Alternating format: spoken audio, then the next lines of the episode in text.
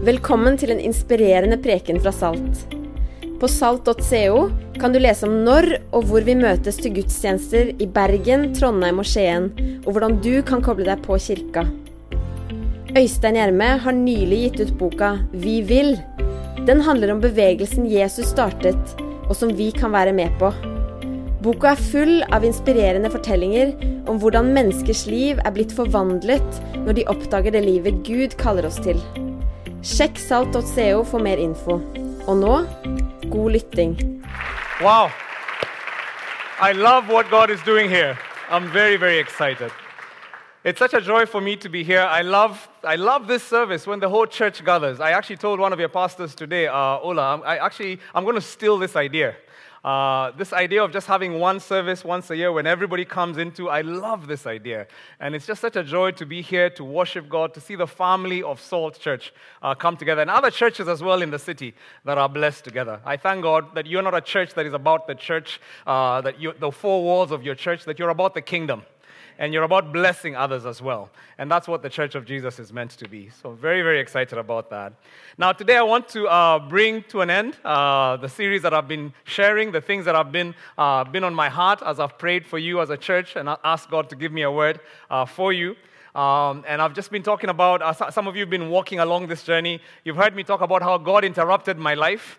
And I'm the, I'm the kind of person, I think God just has to slap me many times because I, I usually am doing my own thing. I don't even know what God is doing. And so He has to push me hard. Uh, some of you are like me, you know. Uh, you're not, you, you, do your thing and God just has to slap you because you're so busy doing your thing.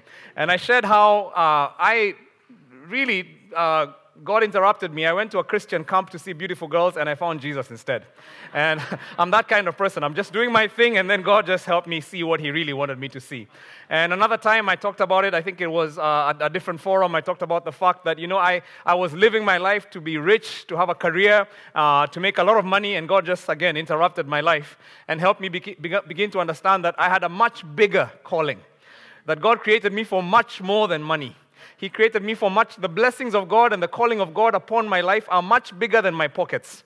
That what God has for me is so big, He wants not just to bless my family, He wants to bless the whole world through it.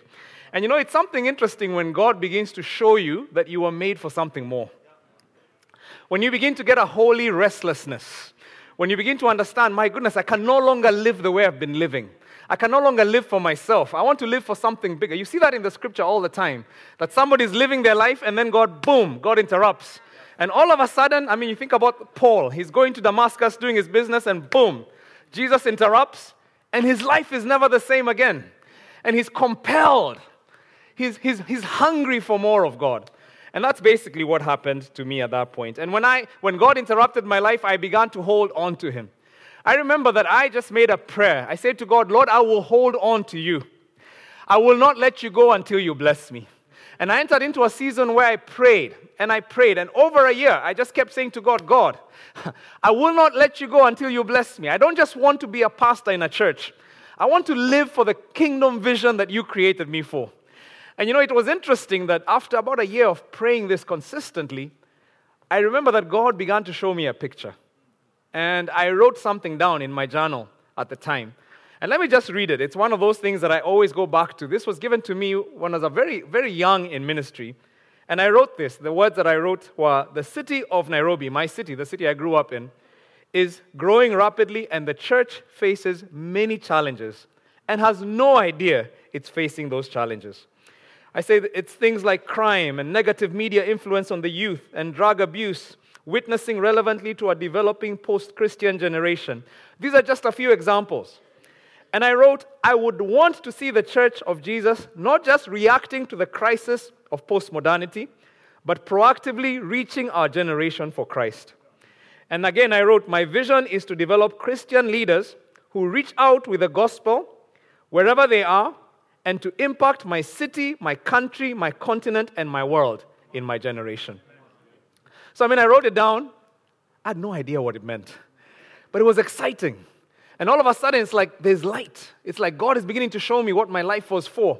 And I was so excited, and I didn't even know what to do next because now I, I knew it, and I was ready to start doing something about it. What do you do when God interrupts your life and He shows you that your life was meant for something much bigger? What do you do when you're, you're, when you're just doing your thing and God wrecks it and you can no longer go back to what you were doing. What do you do at that point? What do you do in the in between time? From the time that God shows you there's more to the place where He actually releases you to go there. And that's kind of where we've been going over this, this weekend. And we talked about it yesterday. I gave you the first clue of one of the things that we start to do is that we incubate our vision in prayer. I sense that God is leading different people in this congregation into a season of prayer, of holding on to Him, of saying, God, I will not let you go until you bless me. And there's some people that God here is releasing from very small lives. You've been living a very small life, and God is releasing you from that. And He's beginning to show you that you are called for much more. And you know, there's a holy restlessness that is falling upon you. And right now, some of you are already at that place where you're saying, God, show me, show me, show me. I want to understand what it is. And I sense that God is leading you into that season of prayer like He led me, where you begin to hold on to Him until He blesses you. But you know, apart from that thing of incubating it in prayer, there's another thing that we can start doing. And I believe that this is the next thing and the last thing I want to speak about. And I want us to continue with the story where we left off in the book of Nehemiah, chapter 2, verse 11 to 16. There's an interesting thing that Nehemiah does uh, after, after that season of prayer, or even as he's going through his season of prayer. Nehemiah chapter 2, verse 11 to 16. Let me read those, those scriptures. It says, I went to Jerusalem, and after staying there for three days, I set out during the night with a few others. I had not told anyone what my God had put in my heart to do for Jerusalem. There were no mounts with me except the one I was riding on. By night, I went out through the valley gate towards the Jackal Well and the dung gate, examining the walls of Jerusalem, which had broken down, and its gates, which had been destroyed by fire. Then I moved on towards the fountain gate and the king's pool, but there was not enough room for my mount to get through. So I went up the valley by night, examining the wall Finally, I turned back and I re entered through the valley gate. The officials did not know where I'd gone or what I was doing, because as yet I had said nothing to the Jews or the priests or the nobles or the officials or any others who would be doing the work. My Father, I pray that as I dig into this word, as your people come to your word, I pray that you would take these words that were written 2,000 years ago, and I pray that you would breathe the Spirit of God into those words and you would make them come alive. I pray that for us, as we hear these words, that Lord, you would make them relevant for where every one of us is. Lord, we love your word because it is alive and active. And I pray that, Lord, you would make it alive and active for your people right now. And Lord, I recognize there are different distractions, there are different things going on in our minds, some things that would keep us from apprehending your word. And right now, Lord, I bind every spirit Anything that is, not oppo- that is not supporting this word, anything that is opposed to your purpose, we take authority over it and we bind it and we cast it directly to Jesus. And I pray right now that, Lord, there will be open heavens and that your word would go forth in power and do what you wanted to do. We release ourselves to you now, for it's in Jesus' name we pray. And God's people said, Amen.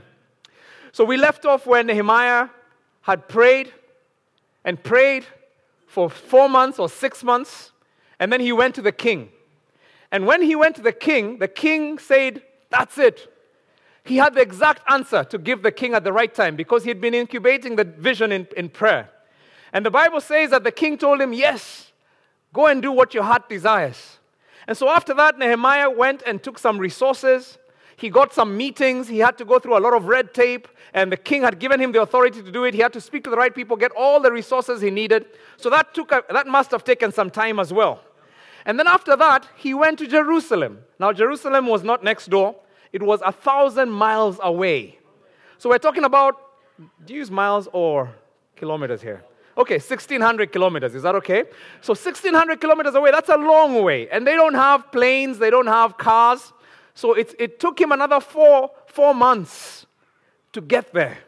So think about it. This is almost a year after he caught the vision. And now he's finally landing in Jerusalem. Now, when he gets there, the Bible tells us he starts to see. It's obvious as he walks in. Everything he had been told is true. The walls are broken down.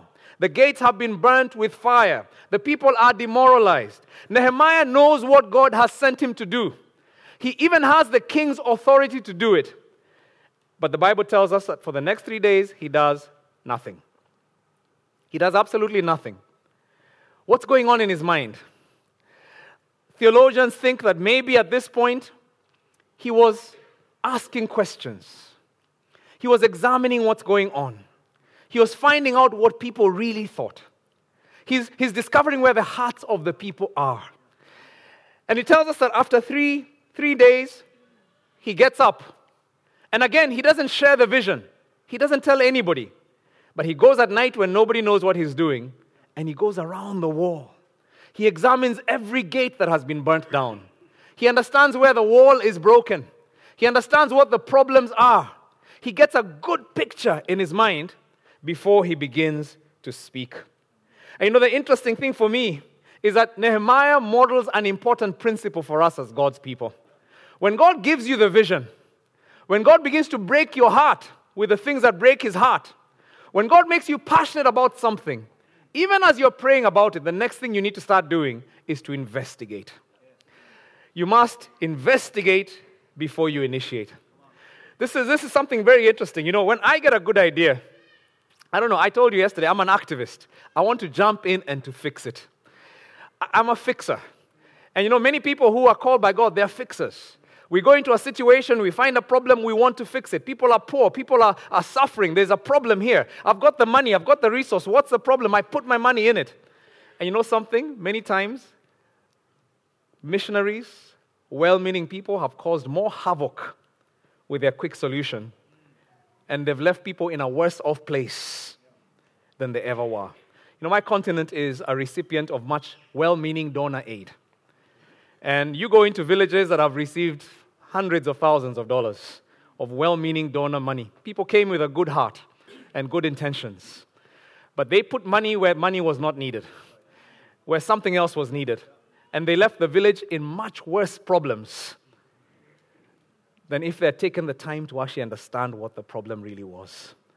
And so I believe that God is saying, as Christians, we must understand the place of investigating. Before you initiate, you must investigate. You know, the problem is that vision is usually accompanied, accompanied by urgency. We see, we, see that, that, we see the human trafficking going on around us. We see, we see the depression of the young people around us. We see the problem. And many times we feel, my goodness, if I waste time, people are dying. I must do something. But you know, you don't, when you take time, when you investigate, then you understand what is really going on. It's not lack of faith to investigate, it's wisdom.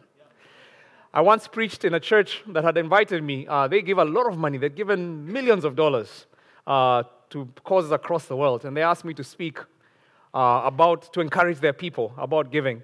And the sermon I preached was When Helping Hurts. You know helping can hurt? Because sometimes you help people and you actually leave them in a worse off place. And Nehemiah did not want to do that. He didn't want to come in with his big Persian solutions to a Jerusalem problem. He needed to understand what the issues were according to the people in Jerusalem. Now, it's very interesting for me that the problem with us, when I think about it, is we're, we're, we're an instant generation. We live in instant times, don't we? I mean, we, the older people, we speak about email, but email is too slow nowadays, isn't it? Uh, this, I mean, I talk to some of the guys in my church. I'll send an email, and they look at me like, "What's that?" You know, I mean, we're not in the email age. We're in the we're, we're, we're in the Instagram age. It's Snapchat. It's it's Twitter. It's it's it's uh, we're, we're in that place where you want something, you get it, and you do it immediately, right? And we can do everything through our phones. I mean, I've been I've been excited to see some of the apps uh, in Norway that you do everything from your phone. It's amazing because technology across the world is stunning. I mean, in my, in, my, in my country, you can pay for anything with your phone. You can run your whole life off your phone. You can go to the market to buy vegetables, and I'll just put money right into your phone. Um, and, and, and, and we've been doing this for years. Uh, you know, Africa, we didn't have cables, we didn't have uh, copper cables. So we just leaped over directly into the mobile age.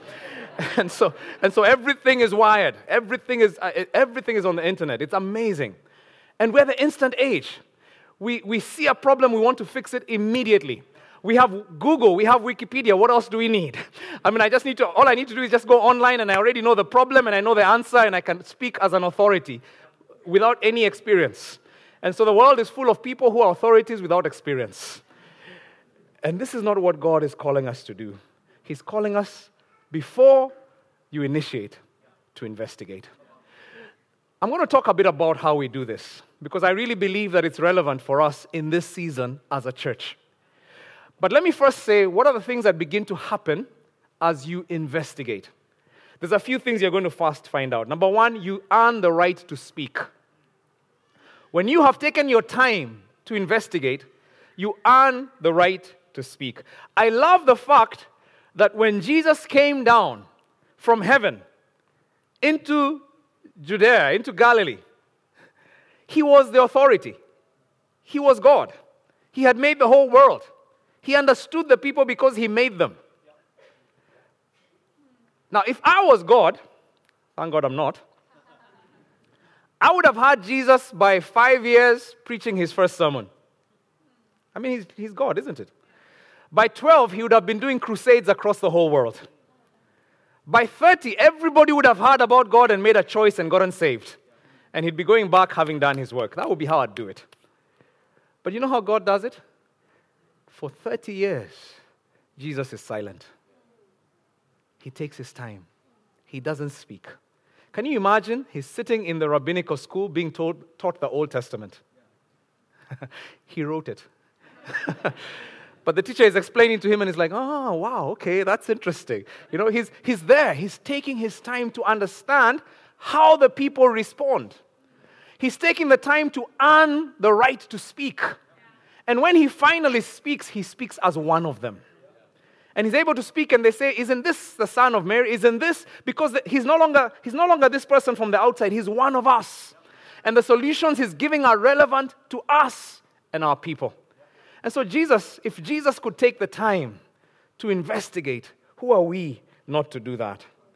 You know, often we're in, a, we're in such a hurry to see results that we just kill the dream by our rush. I mean, look at Joseph. I mean, he got a dream that one day he would lead his whole family and deliver them. And he shared that dream so quickly, he woke up the next morning, he's already telling people, I'm going to be your king. Almost got him killed, right? I mean, this is what happens when you take God's vision and you start running before you even understand it. Uh, look at Moses. He gets the idea he's going to be a deliverer of God's people. The, the next thing he's doing is killing Egyptians. And he almost gets himself killed. Why? Because he hasn't understood there's a principle first that you need to investigate before you initiate. Look at Nehemiah.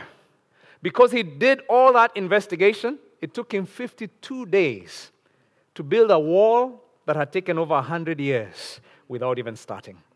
Many people had tried and failed, but in, in, in miraculously, within 52 days, that wall came up. So that's the first thing. You earn the right to speak. I imagine when he first met the, the, the, the, leaders in Jerusalem, all of them, he said, We need to build a wall. They came up with all the reasons why that wall could not be built. But Nehemiah said, No, no, no, but I, I, I've been there. I understand that. Yes, I saw that stone, but yes, it can be done this way. Yes, the people, yes, I understand the people are, but if everybody builds their part, we can do this. He understood the psyche of the people because he had investigated. The second thing is that we understand God's strategy. When we begin to investigate, to investigate, we start to learn what God's strategy is. You know, as we open our eyes to start seeing what God is already doing around us, we begin to understand how He has worked in the past. We see how He's working in the present, and we begin to understand how He wants to work in the future. This is what investigating does for us. You see, God's ways are different from our ways. And so, as we enter into the space where we can begin to investigate, we begin to understand. We begin to see what God is doing so that we can join Him in it. Here's the thing you need to understand God is at work everywhere already. Whatever it is He's putting on your heart, He's already working there. So it's not you to go bring the solution. For you, it's to go understand what God is doing and then join Him in it. So, so wherever God, if God puts you in an office, maybe part of what He's calling you to do is go into an office that is a very secular office and start to represent Him. First step is to say, God, what are you doing here?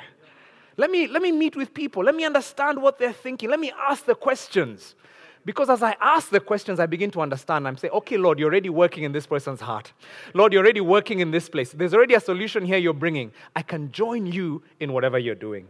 So that's the next thing. We begin to understand God's strategy and we can become part of it.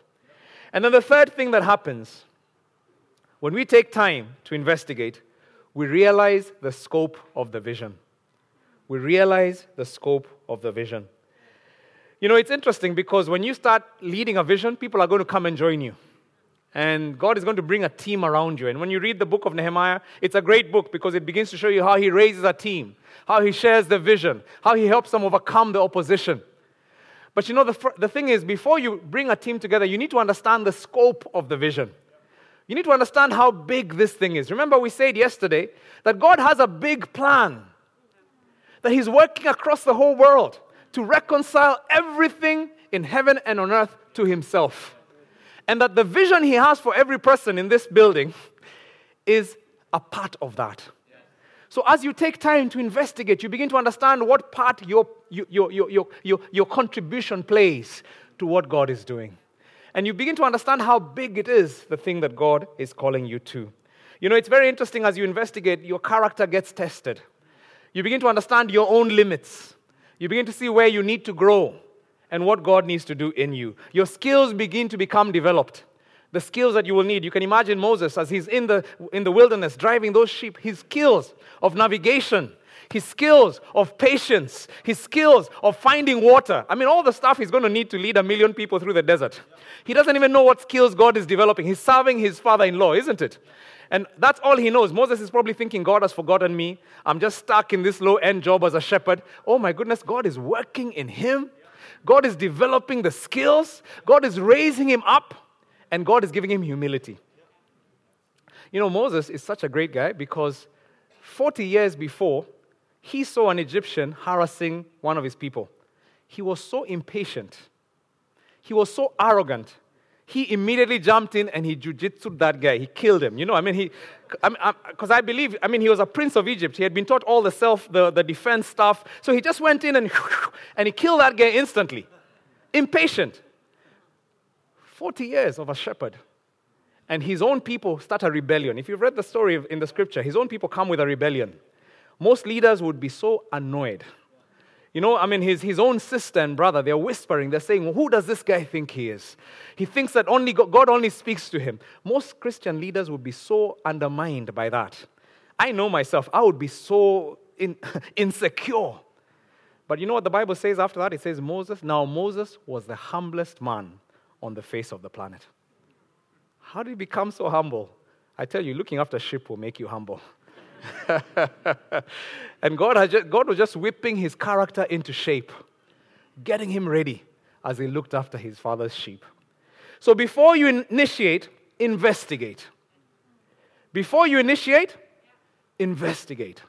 Now, I want us to just make this a little practical. How do we begin to investigate? Because I believe that God is calling everyone in this church to begin to investigate. This calling about understanding your God given calling, this thing about the fact that every one of us was created for something bigger than ourselves, this is not something for a few people at the front here. This is something for the whole church. And so, how do you begin to investigate? I want to make this really practical. There's a couple of things that I feel like God will be saying to you in this next season. And the first is serve in your church. So, Øystein, this is now how I connect to your book. I know you wondered when I'd get there. Serve in your church. You know, serving in ministry is one of the best ways to investigate your God given calling. Absolutely best ways. We don't serve in ministry because God desperately needs us to serve. Because the Bible says that God could use a donkey. Right? God could even make the stones worship him. So if you don't want to worship God, can, he has he doesn't he's not desperate for our service. We don't even serve because if we don't serve, the church will die. Because Jesus said, I will build my church, right? So it's not us who build the church, there's, there's a builder in this church. And he's going to do his work with or without us. I will build my church. So we don't serve because God is desperately waiting for us to serve. We serve because it's the best preparation for the vision that God has called us to. That's why we serve. You know, some of you, God is calling you to a vision and to a mission that is going to impact many, many people. For some of you, God is going to use you in ways you cannot even begin to imagine right now. And I just speak out of testimony. I mean, I was maybe in my early 20s when God began to speak to me. I'm now 50. I had no idea. If you told me that I'd be standing in Norway teaching Norwegians the scripture, I would have flipped out. I had no idea. that God was calling me into spaces that I could not even dream about. Some of you, you have no idea that God will use you to dramatically change the world. you know, I, I, I, marvel. I wrote, I was telling Øystein earlier, I wrote a, a discipleship curriculum um, for my church to solve a problem in our church. That curriculum has been translated in over 10 languages. And over 200,000 people in the world have gone through it. Uh, many of them in, in places like America, I think about 500 churches in America have gone through it. What's this little Kenyan boy? Who would ever imagine that God could use me? And remember, when I told you my story, if, if, if I wrote my top 100 career choices, pastor was not even in that list. I didn't think I'd be a spiritual. So if God could use me, oh my goodness, imagine the people in this room. Imagine the vision He has for you. There's some amazing kingdom dreams that God is dreaming for people in this church. And you must discover that dream. But you know what? Serving in church is the best way for you to investigate that dream because it's going to teach you some things. Let me tell you, I've been so excited coming into this church, and whenever I drive in, there's some people, some, some amazing souls just doing the, the, the traffic. I mean, that's a serious ministry in Bergen, yeah? like, like it's cold and it's raining and they're smiling. And I think, oh my God, bless those people right there. I mean, that is a thankless task. I, wa- I wonder what God is doing in your heart as you're doing that. I wonder what He's shaping you for as you're welcoming people. It's such a thank. There are people who are not even looking at you, they're just almost stepping over you and splashing you with water as you're trying to welcome them. And I see people at the door, and you're greeting everybody and you're smiling. And some people are not smiling back, right? I mean, because I know in my culture, people just pass the guy, the greeters at the door, and it's like, oh man, get, you know, it's like, I don't even want to see you. Some people, they're new to the church, they just, they, they even give you a hostile look, like, are you trying to hustle me for something? And, and you're there every, and you're just greeting people, and it's like, and they don't even smile back. It's such a thankless task. But I wonder what God is doing in your heart as you're in that thankless task. There's some of you who are serving children you know one thing about children, they don't care how many PhDs you have. Huh? They're not impressed by how well you speak and what, what forums you've been to. They don't care about any of that stuff. And you're on the floor playing with them. I remember the video we watched on the weekend, and this guy who's an executive who plays guitar with the kids. And, and I just thought, my goodness, if the people in his office saw him, I mean, such a, it's such a thankless task. but, but, but I wonder what God is doing in that man that is shaping a kingdom leader. Because you know, the world will never train you to be a kingdom leader. And I wonder what God is doing for his kingdom as that man is there just pouring into children who will not even invite him into their homes. They will not pay him back for what he's doing. My goodness, there's something powerful when you come in to set up the sound. And some guys were here early and they set up the seats and they cleaned up the place and nobody even knows them. And at the end, everybody says, Pastor Øystein preached such a powerful message. They have no idea there was a guy at the sound desk there making him sound good. you know? And if that guy wasn't there, it would not have been a powerful message. But he doesn't get any of the glory. Nobody even knows he's there. And I wonder what God is teaching you. I wonder what God is digging into your heart as you're serving in that place where nobody is seeing you, nobody is watching, nobody is rewarding. I believe that God is building character. And God is putting you in that place where He's shaping you for the big thing that He has called you to. You know, we like to say at Mavuno Church that we don't serve because the church needs you. We serve because we are a factory for fearless influences. church is a training camp for insurgents. People who will go out and change the world. And if the devil knew what you were being trained for, he'd be afraid. Because God is training some people here to shake the doors of, of hell that they will not prevail against the church. And he's teaching you to be in a place where, you know what, human, human, human accolades will not even touch your heart. You get to a place where I'm not doing this because I'm not serving because I need to be recognized. I'm serving because the kingdom is in me and I'm compelled to serve my Lord. This is what God is doing. And so, this is why I say serve in your church. This is one of the best ways for you to incubate what God is doing.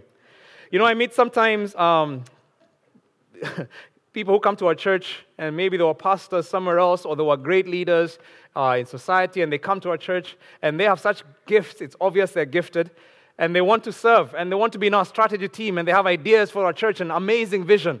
My first question is Are you in a small group?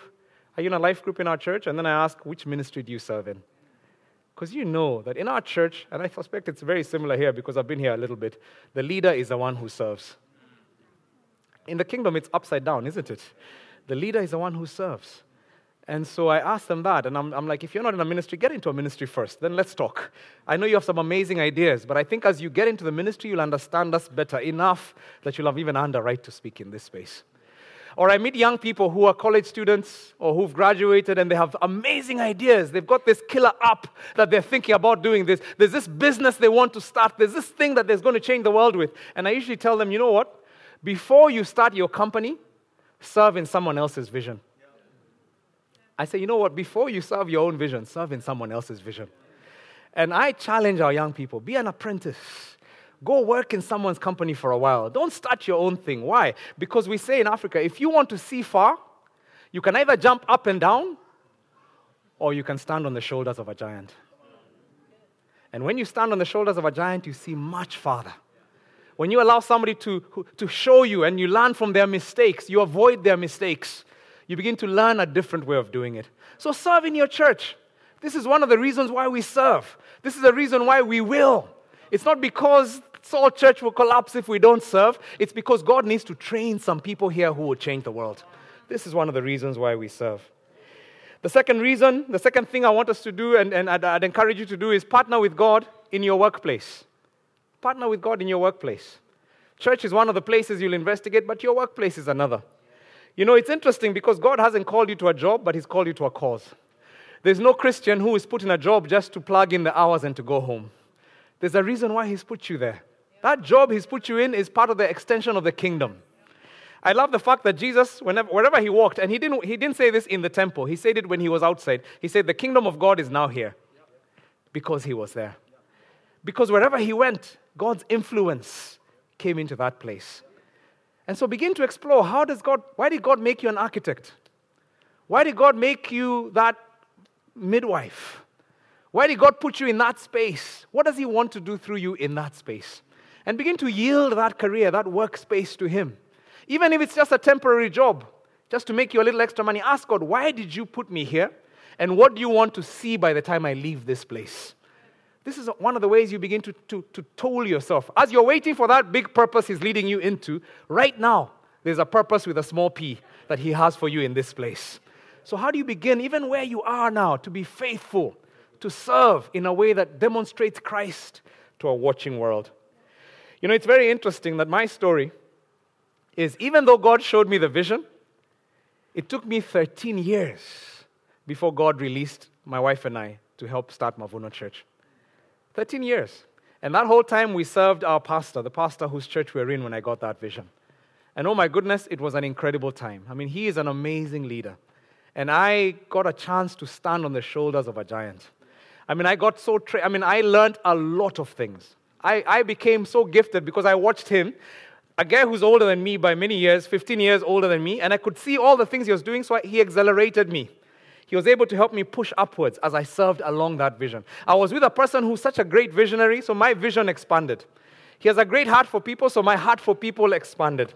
He's so good at building partnerships, so I learned how to do that from him. And so I, I, my own gifts were developing, but I was also learning gifts that are not my natural strengths. And I was speaking from this person. And you know, it's interesting because I also got my character got really exposed. I had major issues. Um, I'm a pretty proud person and selfish. And oh my goodness, when I served in that dream, in, in that vision, my, my selfishness was exposed. And sometimes I wanted to quit, but God would say, No, no, no, no, I'm not done with you yet. And I just stayed in there, and God just worked on me and worked on me. And you know what? 13 years later, we started Mavuno Church. It was so interesting, and I give God the glory for this, that in a very short time, our church exploded and grew and had a major influence in our city beyond our city, on our continent, and beyond. And I remember people would come and ask, How, how did you do this? I remember one, one, one prominent pastor in our city. I invited her to come and preach, and she was very excited. I didn't know why. And afterwards, she, she told me at the end, I really came because I wanted to see what the hype was about. Like, I mean, I've been hearing so much, I'm wondering, how does a young church like this uh, uh, have such a big influence? Uh, she didn't look very impressed when she was saying it, but uh, she, she said, I came, I came to see what the hype was about we got the, the tag of the overnight success.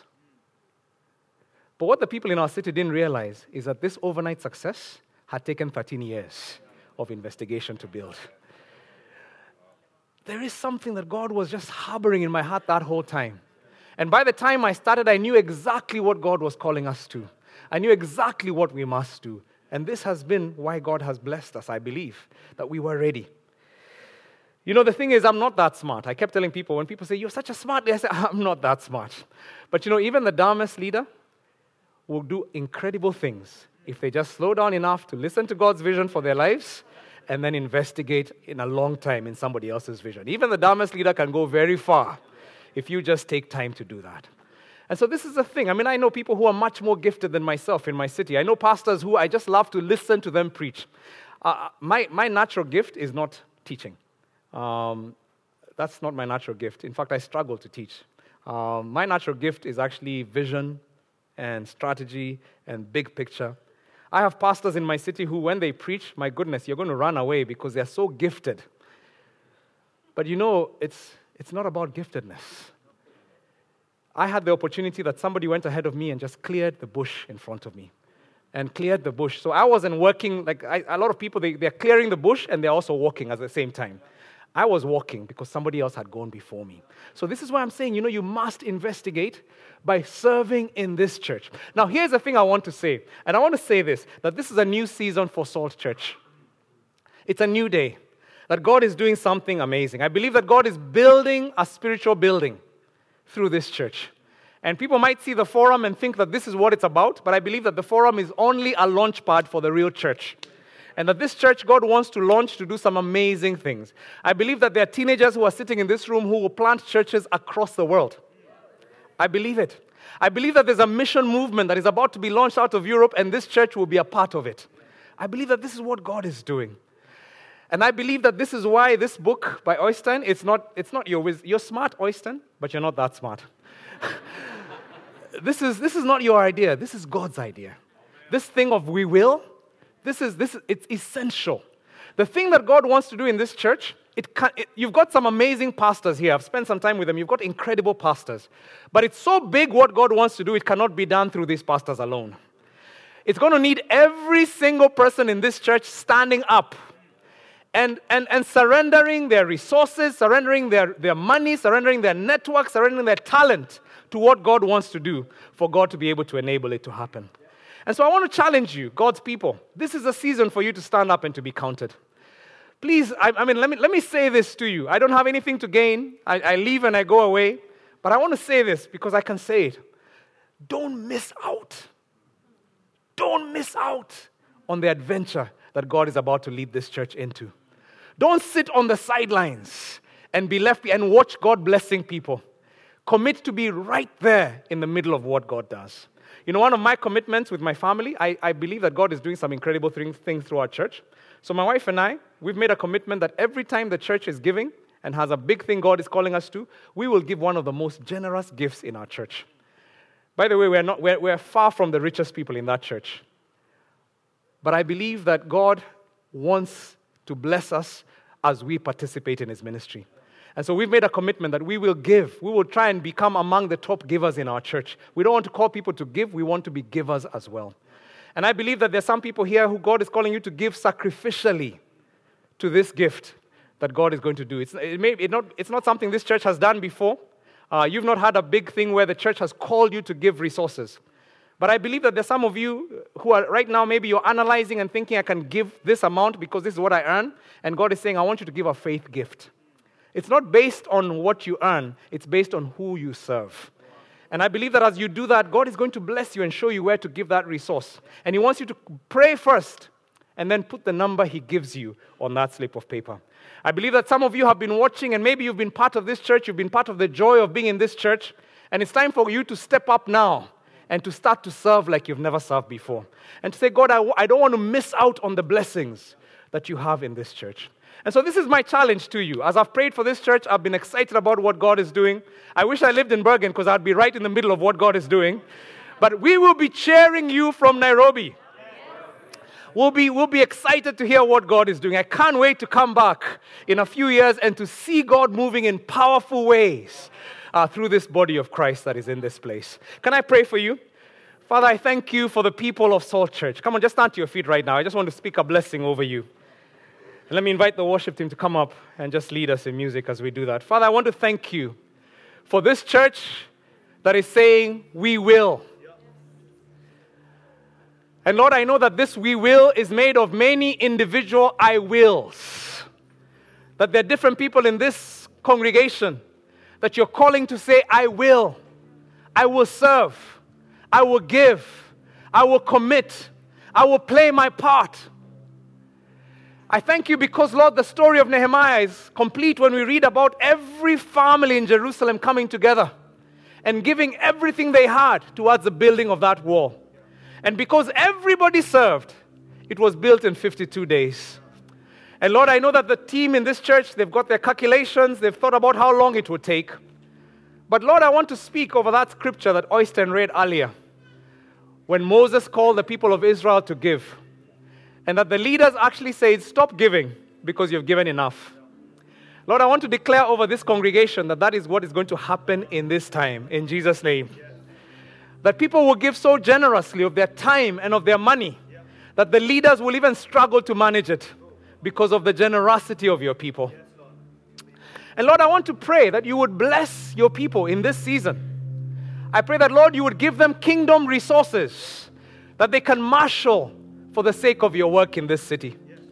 Lord, I know that this is not the first, the only building that this movement will need. That a time will come when there will be buildings in other parts of this country and maybe even all of Europe. And so I pray that, Lord, you would set up a precedence of generosity in this season as your people step up to be part of what God is doing. And Lord, I want to pray for these people as they say we will give generously of our time, of ourselves. I pray that, Lord, as your people begin to enter and to lean in, I am praying, Lord, that in this season you'd begin to speak to your people. Lord, I pray that you'd open their hearts to the things you're calling them. Lord, I know that there's kingdom influence yet for many in this congregation. And Lord, I speak of our season when missionaries will be sent out of here when, when resources will be sent out of this place across the world to meet the needs of your people across the world. And so, Lord, I pray, I see it in my spirit, in the Spirit's eye. I see a time when this church would be a city on a hill. I see a time when people from all across the nations will stream to this place to participate in what God is doing. I speak over you, people of Salt Church, that a season is coming when you will be known across the world. And that God is going to use you to do amazing things that you cannot even imagine or think right now. I declare this blessing and I call it out prophetically over you. I speak over you the joy of the Lord, that your worship will be so infectious, that your lives will be so upside down that the people in Bergen and Norway will be amazed. In fact, I declare over you that even at work, people will walk up to the people of this church and they will ask, Are you from Salt Church? Because there's something different about every person I see from that church. And so, Father, release your spirit now. Just release your spirit now. Somebody needs to start to say to the Lord right now, I will. Count me in. Somebody needs to start to say to the Lord right now, Lord, count me in. Just begin to say, Lord, I want to be part of your vision. I want to be part of your dream for this church. Nobody can pray that prayer for you. Only you can pray it for yourself. So just begin to say, Lord, I want it for myself. I want to be part of what you're doing in my generation. Lord, I thank you for each person as they're praying this prayer. And I pray that, Lord, you would come in now and you would just receive every prayer that is coming to you, Lord. We bless you, Lord. I thank you, Lord.